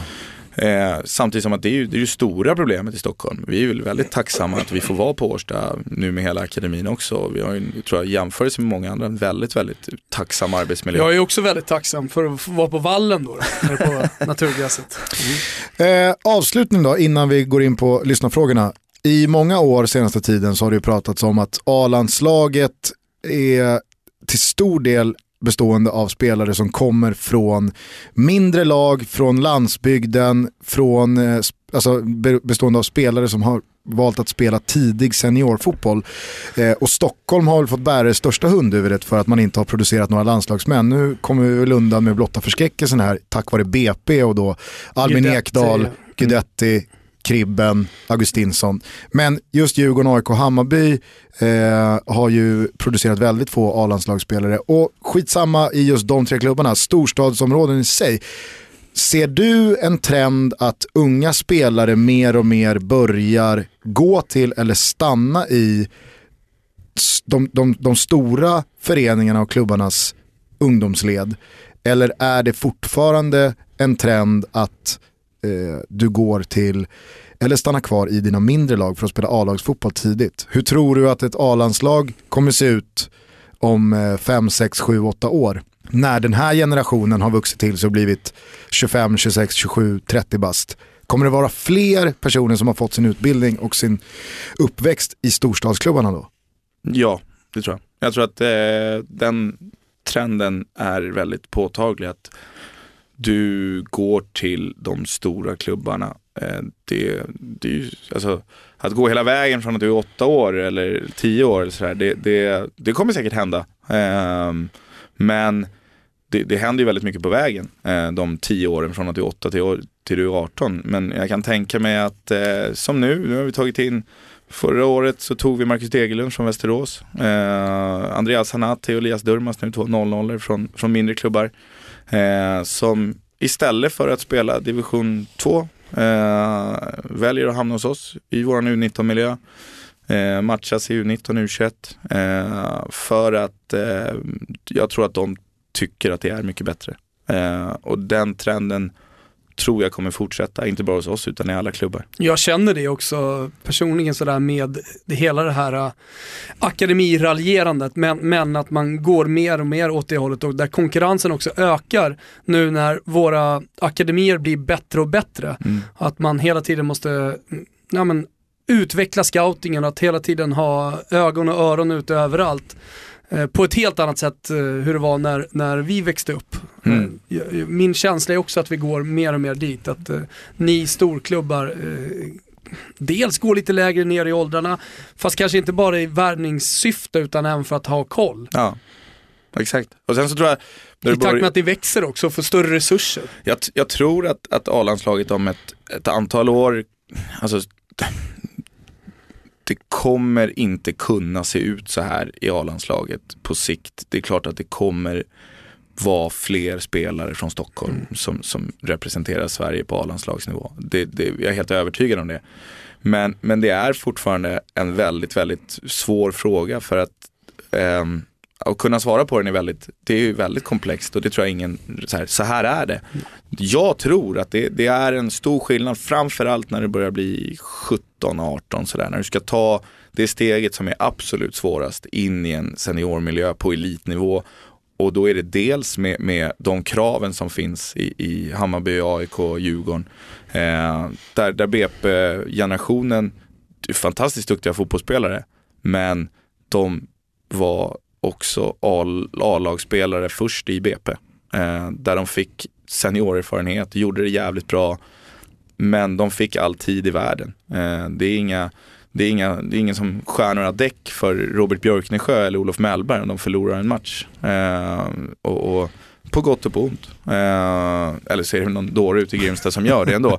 Men, men ni jag förstår vad jag menar. Jag tror fan inte att Robban Björknesjö fick sin bil sönderskuren någon gång. Nej, eller när Billborn liksom åkte ur med BP, då, då, då han mådde förmodligen precis lika dåligt som en A-lagstränare i AIK eller Hammarby skulle göra. Men, men det är ju ingen externt tryck på det. Eh, det tror jag är en del i att storklubbarna har, har svårare att släppa fram sina egna spelare. Eh, för att det finns en krav på direkta resultat. Eh, och sen så tror jag... Där kan man ju applicera och hela vägen upp till Real Madrid också. exakt. Exakt. Och jag tror att i Stockholm kontra mindre städer så tror jag att det är, eh, det händer mer i de unga människornas liv. Eh, det finns så extremt mycket möjligheter och lockelser i Stockholm. Det är inte bara fotboll. Du lever och andas inte bara fotboll. Och konkurrerar du då med någon som bara har gjort det, då, då är det klart att du, du hamnar i, ett, i en konkurrensmässig eh, underläge. Fan, jag fick en superidé precis. Man kanske ska applicera Kina-tänket på, på svensk eh, ungdomsfotboll. I Kina gör man ju så om man startar en fabrik någonstans så måste man ju se till så att arbetarna har någonting att göra. Ja men då bygger man eh, golfbanor och sen så bygger man eh, nöjesfält, det är lite som SimCity det här gamla spelet. Så ser man till att de har det ganska trevligt där. Då bygger vi en slags drömvärld då för de här ungdomsspelarna någonstans ute i landet men där det inte finns massa negativa eh, ja, påtryckningar från det sociala livet utan det bara är positivt. Det är berg på morgonen innan träningen och sen alla restauranger som finns som man ska gå ut och käka det är bara sockerfritt och ekologiskt och, och så. Lite grann, alltså det, det, Kanske något för Ryssholm om inte annat. Ja exakt. Bygga en ny stad. Eh, nej, men det jag tror det, alltså lite grann, det, det, går ju att skratta åt den där åsikten, men lite grann så är ju det, det är ju det som som Dalkurd eh, Östersund har gjort. Eh, pratade, jag jobbade ju med Andreas Brännström förra året och, och han... Numera är Dalkurd. Numera tillbaka i Dalkurd. Eh, han säger ju det att det är ju en anledning. De, de har ju konsekvent siktat in sig på spelare som, som är väldigt bra. Men som från framförallt Stockholm inte har uppnått sin potential av olika saker. Spelade med Broa, i, Mm, vi är lika gamla. Det är, som så här, det är ett klockrent exempel. Och han har väl uttalat sig jättemånga gånger om det. Och det kan jag bara bekräfta när man pratar med Brännan. Där uppe, det är bara fotboll. Du, du, det, är som, det finns inget annat i Borlänge. Du, du går upp, du tränar extra, eh, du har passet, du fortsätter, du umgås med de lagkamraterna du har. Och liksom, man andas och lever fotboll.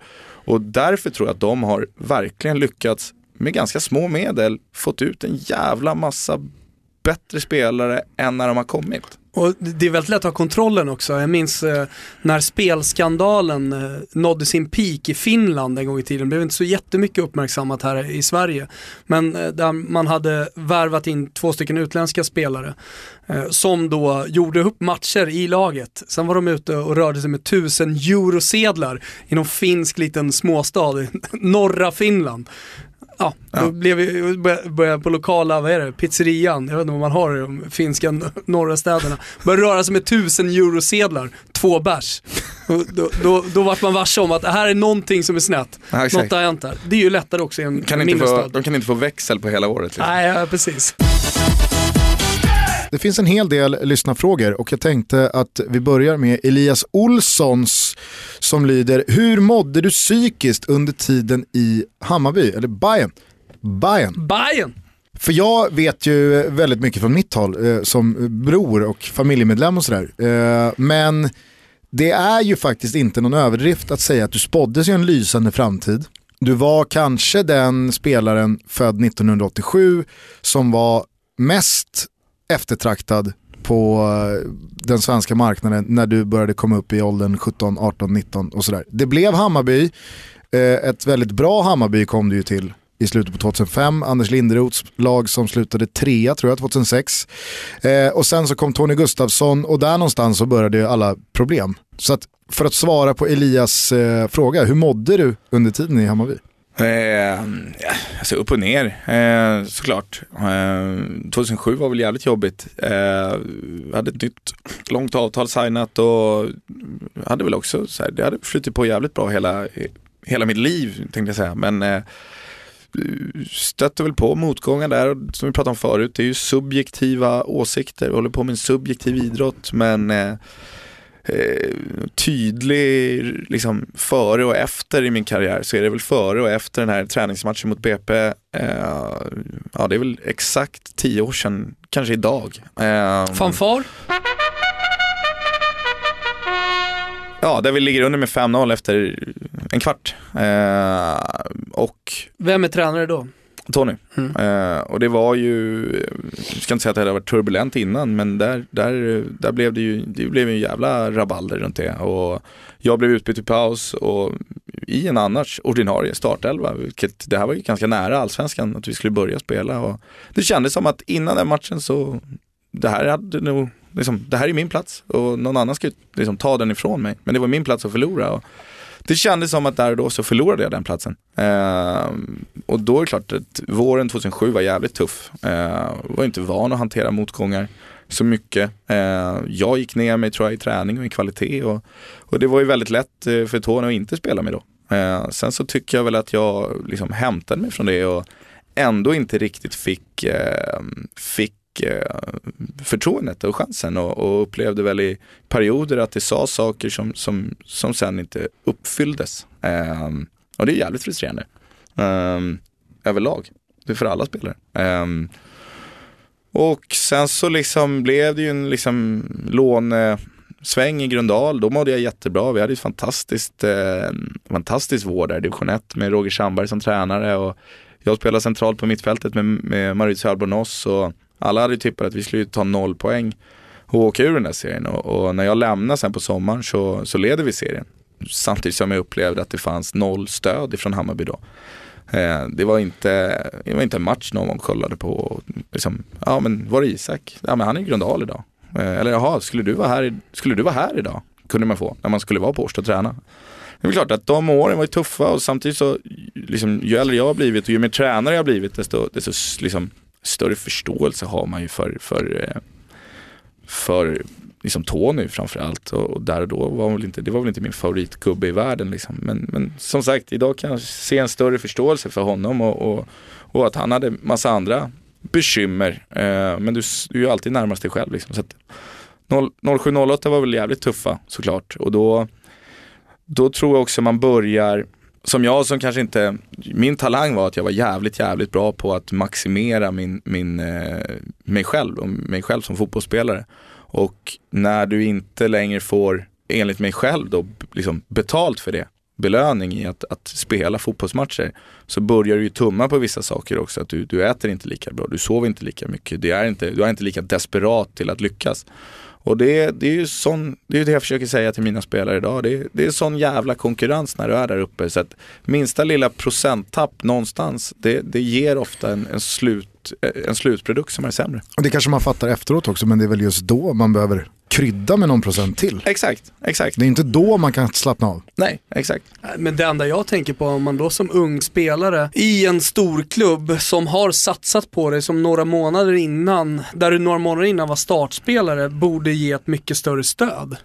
Absolut, samtidigt som, som eh, det, det, är väl lite en, en, en, en eh, tolkning man har gjort lite i efterhand att Eh, avtalet som jag skrev, skrev jag med Hammarby, inte med Tony Gustafsson. Eh, jag skrev det väldigt tidigt, 2007, liksom, med, med, med påtryckningar då från, från klubbledningen och, och, att de ville ha mig kvar. Att Tony själv kanske, hade han tagit beslutet kanske han inte hade gjort det alls. Det, det vet men, jag inte. Men, men tycker inte du att Tony Gustafsson, eh, och det säger jag inte bara utifrån din egen situation där 2007, eh, och, alltså under tiden med Tony, men tycker inte du att han hade lite att han körde lite för mycket ensamrace, att han lite för mycket power som tränare.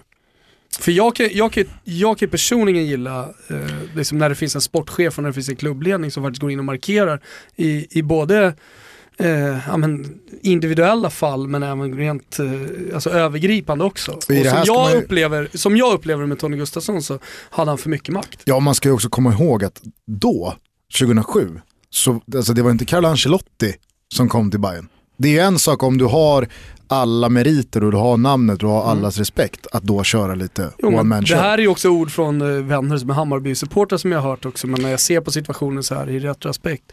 Mm. Um, alltså, jag vill inte sitta och kasta skit på Tony. Det, det är liksom, jag Nej, men du kan ju, alltså rent på, på situationen på som situation, alltså, jag, jag, jag, jag, kan känna så här, jag tror att en nyckel till, till till exempel Malmös framgångar, det är att det är just så som du är inne på. Att du har en klubbledning och, och, och, sen så kan du säkert koka ner den till att det är Daniel Andersson som är klubbledningen. Men en, en tränare tror jag, en klubb mår väldigt bra att en tränare inte är större än klubben i sig. Det, det håller jag helt med om. Och så kanske fallet inte riktigt var de där åren, absolut. Eh, en eh, sak som jag tänker på här när jag minns tillbaka på dina år. Eh, nu har ju eh, tåget dragit all världens väg, absolut. Men kan du idag känna att varför, varför tog jag mig inte ut från Hammarby och anlitade en agent? För att jag tror att väldigt många i det här landet, väldigt många i fotbollsvärlden överlag, tror jag tänker att det finns bara två sätt att lyckas eller misslyckas. Antingen är man bra eller så är man dålig. Dålig kan hänga ihop med skador och så vidare. Men just den här situationen som du hamnade i tror jag väldigt många glömmer att spelare kan hamna i. Att du sitter på ett långt avtal, du hamnar snett med den som bestämmer huruvida du får spela eller inte och du har då inget du har inget att visa upp andra klubbar. Du kanske också är så pass dyr i drift i ditt gällande avtal att det finns ingen klubb som är redo att betala de pengarna. Och då måste du brottas med att gå ner kanske 40, 50, 60% i lön och sen så slutar det med att allting bara går åt helvete eller det tar slut. Mm. Jag håller med. Alltså det, är, det är väl något man verkligen kan känna så här i efterhand. Och folk, folk kan ju väldigt mycket idag ondgöra sig över agenters roll i fotbollen. Men när man tänker på hur din karriär blev, när man tänker på andra situationer som påminner om det här, så kan man ju också förstå varför spelare så desperat använder sig av agenter. Absolut. Det, och det, jag har väl bearbetat det där klart, men det är klart att man, man eh, kan känna att, eh, för mig själv, att jag skulle, jag skulle ha lämnat eh, Stockholm. Liksom. Jag hade ju, hade ju liksom erbjudanden från andra klubbar utan att jag hade behövt gå ner så jävla mycket lön egentligen. Men det var väl, det var, det var både och. Jag kände att framförallt, jag ville inte lämna Stockholm. Eh, jag ville inte flytta och det, det kan jag ångra. Samtidigt som jag också kände, men vänta nu, jag, jag är ju lika bra som de som spelar. Eh, varför ska jag då lämna? Det är liksom, till slut måste jag få betalt för det här. Liksom. Det kan jag inte ångra då. Att, sådär. Samtidigt som, som med facit i hand och med, med slutprodukten så hamnar det ju mer i att ja, men jag skulle ju bara tagit mitt pick och pack och, och, och fått spela fotboll någon annanstans. Det kan jag ångra jättemycket, absolut. Kanske man ska ha i beaktning då, eh, i synnerhet när man pratar typ svenskarna i Belgien. Ja, men, eh, alltså, jag, jag försöker säga det här till våra spelare som kommer upp att, att uh, liksom, det, det, är så lätt att hamna i en situation där du som 17, 18, 19-åring tjänar helt okej. Okay. Uh, du är i Hammarby, storklubb, du, du åker till träningen, du käkar frukost, du gör ditt pass och sen så går du och fikar. Alltså det, det är ju fortfarande den, den, den liksom schablonbilden av att vara fotbollsspelare i Stockholm det stämmer ju till, till väldigt mycket. Är du etablerad spelare som spelar varje match, fan gör det då. Du ska prestera på helgen. Som ung spelare, att hamna i det facket för länge, då tror jag väldigt många hamnar i det som jag. Alltså man är så nöjd med att vara fotbollsproffs i Hammarby så att du vill inte därifrån. Eh, det är sällan bra för att utvecklas som fotbollsspelare.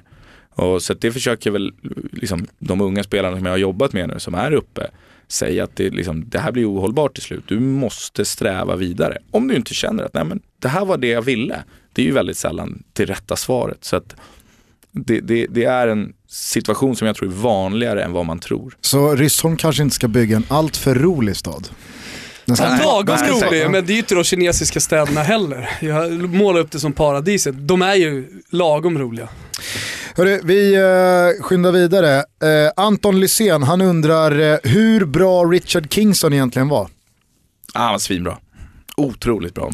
Det här var alltså Ghanas uh, landslagsmålvakt som bara försvann. Han drog till Birmingham. Ja, vi hade ju han bara på ett korttidsavtal tror jag. Eh, och sen så var vi på Färöarna och då hade det blivit klart med, med Birmingham. Eh, och han, var, han ville inte dra Uh, han kommer så väl ihåg det. Han började gråta på lunchen han tackade alla och det var helt otroligt. Vi hade ju bara haft honom i tre, uh, fyra, fem månader. Men det var sådana jävla pengar för honom i Birmingham och, och sådär. Så att uh, han var tvungen. men uh, otrolig målvakt. Anton menar på att hans fru kastade någon slags förbannelse över honom. Var det någonting som nådde er i spelartruppen? nej. nej. Johan Nilsson, han undrar, vem var svårast att möta på träning? Freddy Söderberg, Nathan Paulse eller Tobbe Holmqvist? Eh, Freddy. Kanske fanns ett fjärde svar där, Tony Enlecco. Där har vi också Chippa.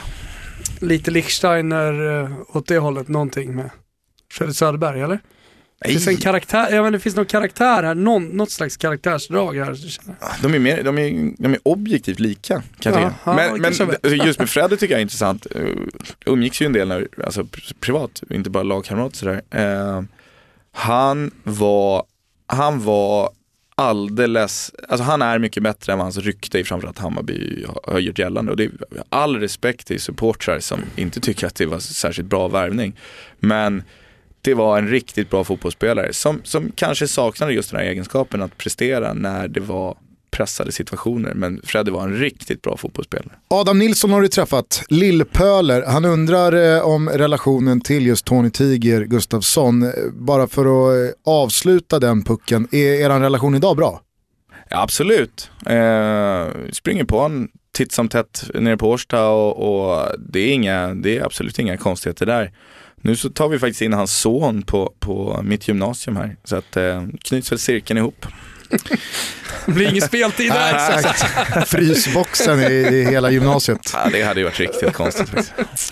Eh, Henrik Gustafsson han plockade upp det här segmentet som du och jag snackade om med eh, Danne för någon månad sedan. Eh, vem som du har spelat med som var mest kompatibel att bränna av en kissbomb i omklädningsrummet. Var det någon som gjorde det någon gång? Eh, nej, det tror jag inte. Det är inte. Mer division 4 nivå Ja. på det. Jag tror aldrig jag har varit med om det faktiskt. Överlag. I något omklädningsrum. Känns Eh, ju, jag håller det fortfarande som, det är ju, alltså snacka om att eh, markera sin ankomst som nyhetslag. Ja. Tjena gubbar, kolla här. Ja, men det, har- det har ju varit många, mycket roligt som har hänt i omklädningsrum sådär, men just inga, inga kissbomber. Vem var er Glenn Hussein? Han som, de, de höll ju på, Klippte kalsonger. Klippte kalsonger. Och, Ja, han gjorde ju det när han kom till Fiorentina. mm, Det eh, uppskattades inte. uppskattades inte riktigt. En Han viss brände väl av några fyrverkerier också. Ja. Utanför presidentens villa. eh, Benny Lekström var ju en jävla glädjespridare. Eh, han var väldigt eh, skicklig på de sakerna. Eh, eh, Den jäveln lirar fortfarande va? Filip Bergman. Det, Filip Bergman var ju en, det, det, det var ju gamla skolan. Mm. Som, på ett bra sätt. Anton Olsson och många andra, de undrar hur det egentligen gick till när du blev av med ditt nummer till förmån för Igor Armas. Ja, hur gick det till? Ja, Bayern värvar den moldaviska mittbacken Igor Armas. Du har at the time nummer 13. ja, jag kom ju, då hade jag 26 och sen så la ju, eh, sen sålde vi Max till eh, Anderlecht? Eh, från Slebrygge. Och inför 2007 då, då tänkte man ju att ja, men det, här kan ju, det här kan vara fint på något sätt. Så då kan jag ta Max nummer. Stafettpinnen. Exakt, långt kontrakt, samma position. Eh, sen skets ju det eh, 2007 ja. Och sen var vi på semester, kom tillbaka. Då eh, hade inte jag något nummer på mina kläder när jag kom till, till Årsta.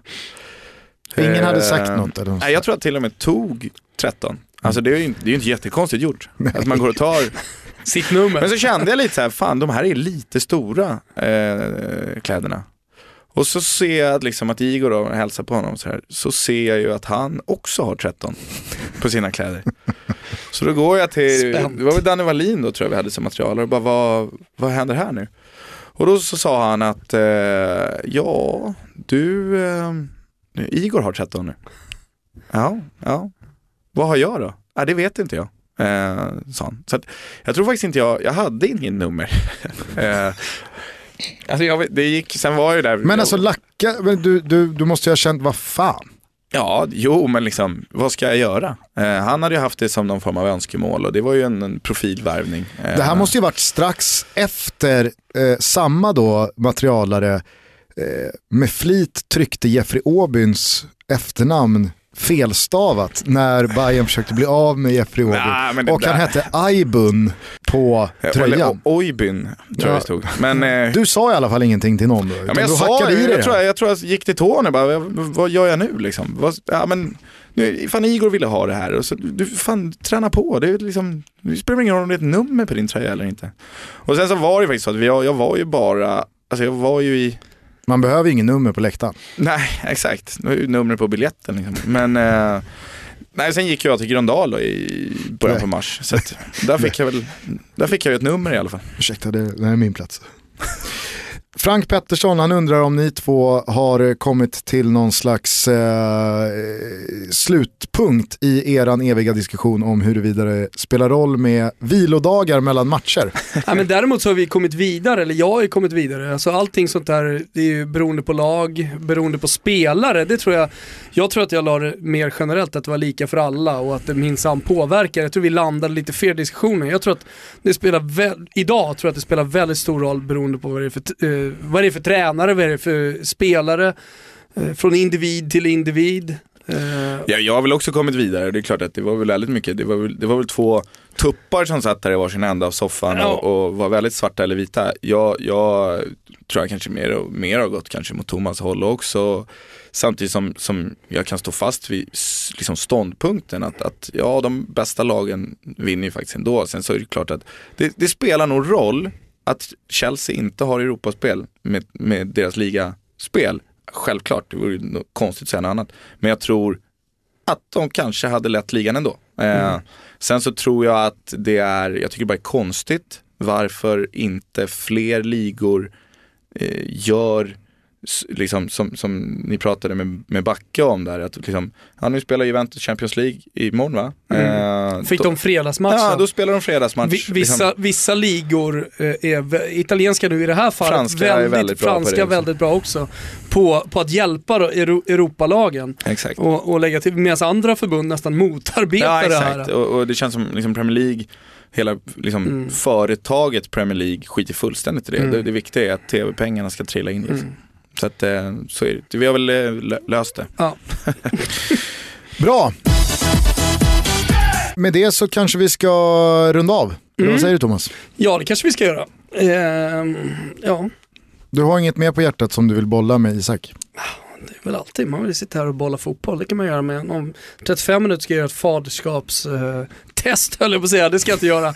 Men när man inte är gifta, det kan ni ta med er. Om man inte är gift och får barn, då måste man åka upp till kommunen och, och så ska vittnen skriva på att det här faktiskt är eh, mitt barn och pappan måste göra det. Jag gjorde faktiskt det till en eh, kollega i, för någon månad sedan. Mm. Eh, han kom in på Årsta och sa, kan du göra mig en stor tjänst?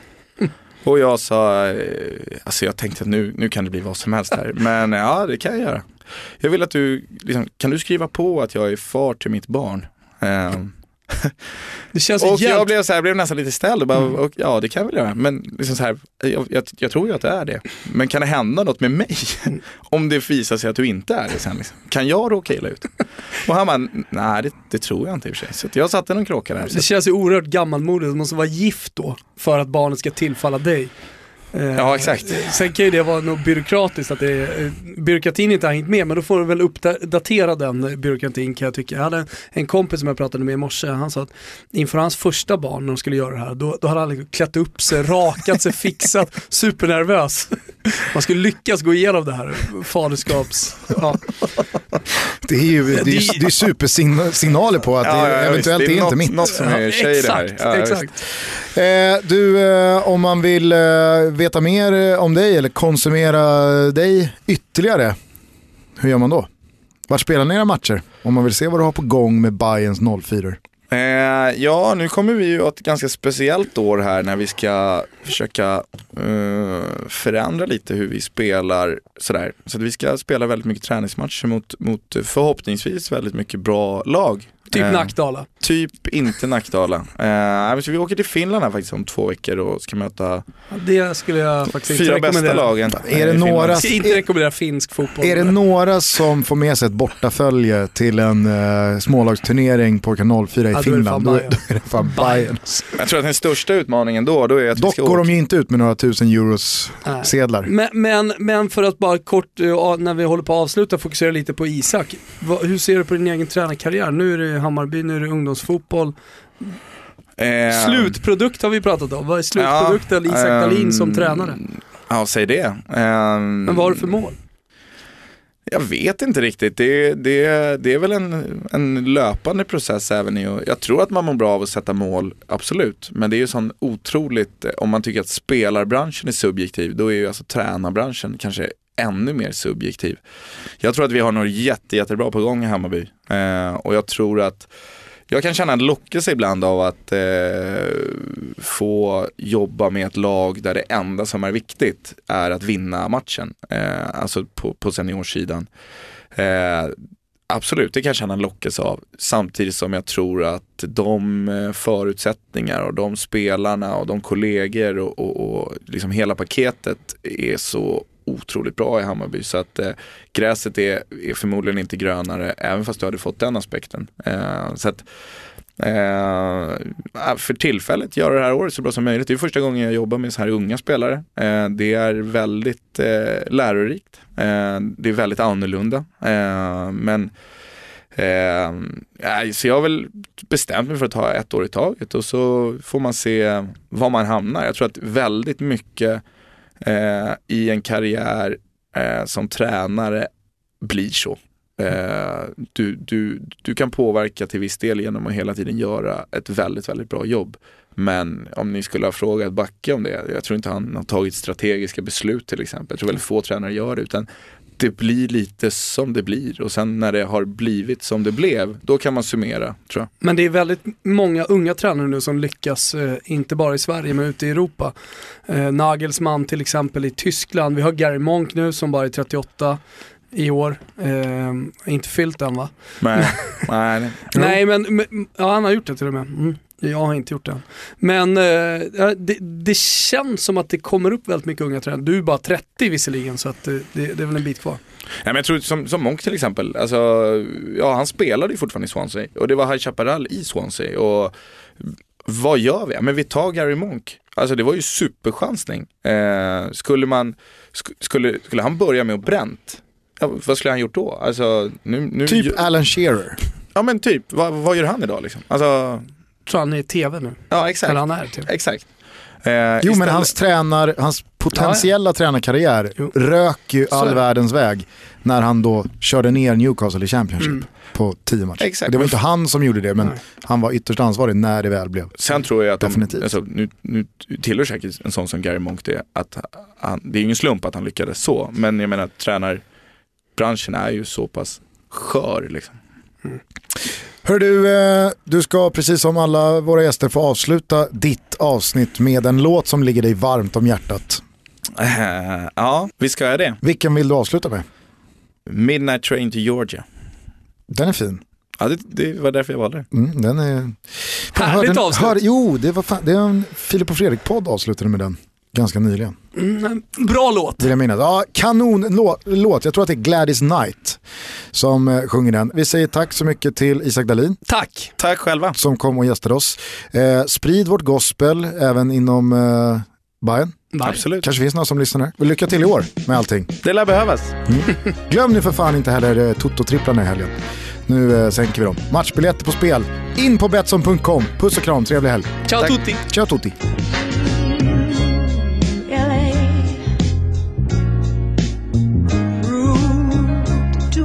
For the man. Too much for the man. He couldn't make it. So he's leaving the life he's come to know. Ooh. He said he's going. He said he's going back to find. Going back to find. Ooh, ooh, ooh, what's left of his world. The world he left behind not so long ago. He's leaving, leaving. On that midnight train to Georgia. Train. Mm, yeah, said he's going back, going back. To a simpler place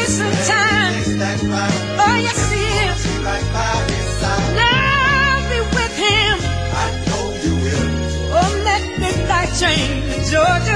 On the midnight train. I'd rather live in his world than live without him in mine. World is his, his alone. He kept dreaming, dreaming. Ooh, that someday he'd be star. But he sure found out the hard way. the dreams don't always come true. Oh no. Uh-uh. So he burned all his hopes and even sold his old car. Mm. Bought a one-way ticket back to the life he once knew. Oh yes, he did. He said he would. I'm he's leaving. leaving. On that midnight train to Georgia. Train. Mm -hmm. Yeah. Said he's going.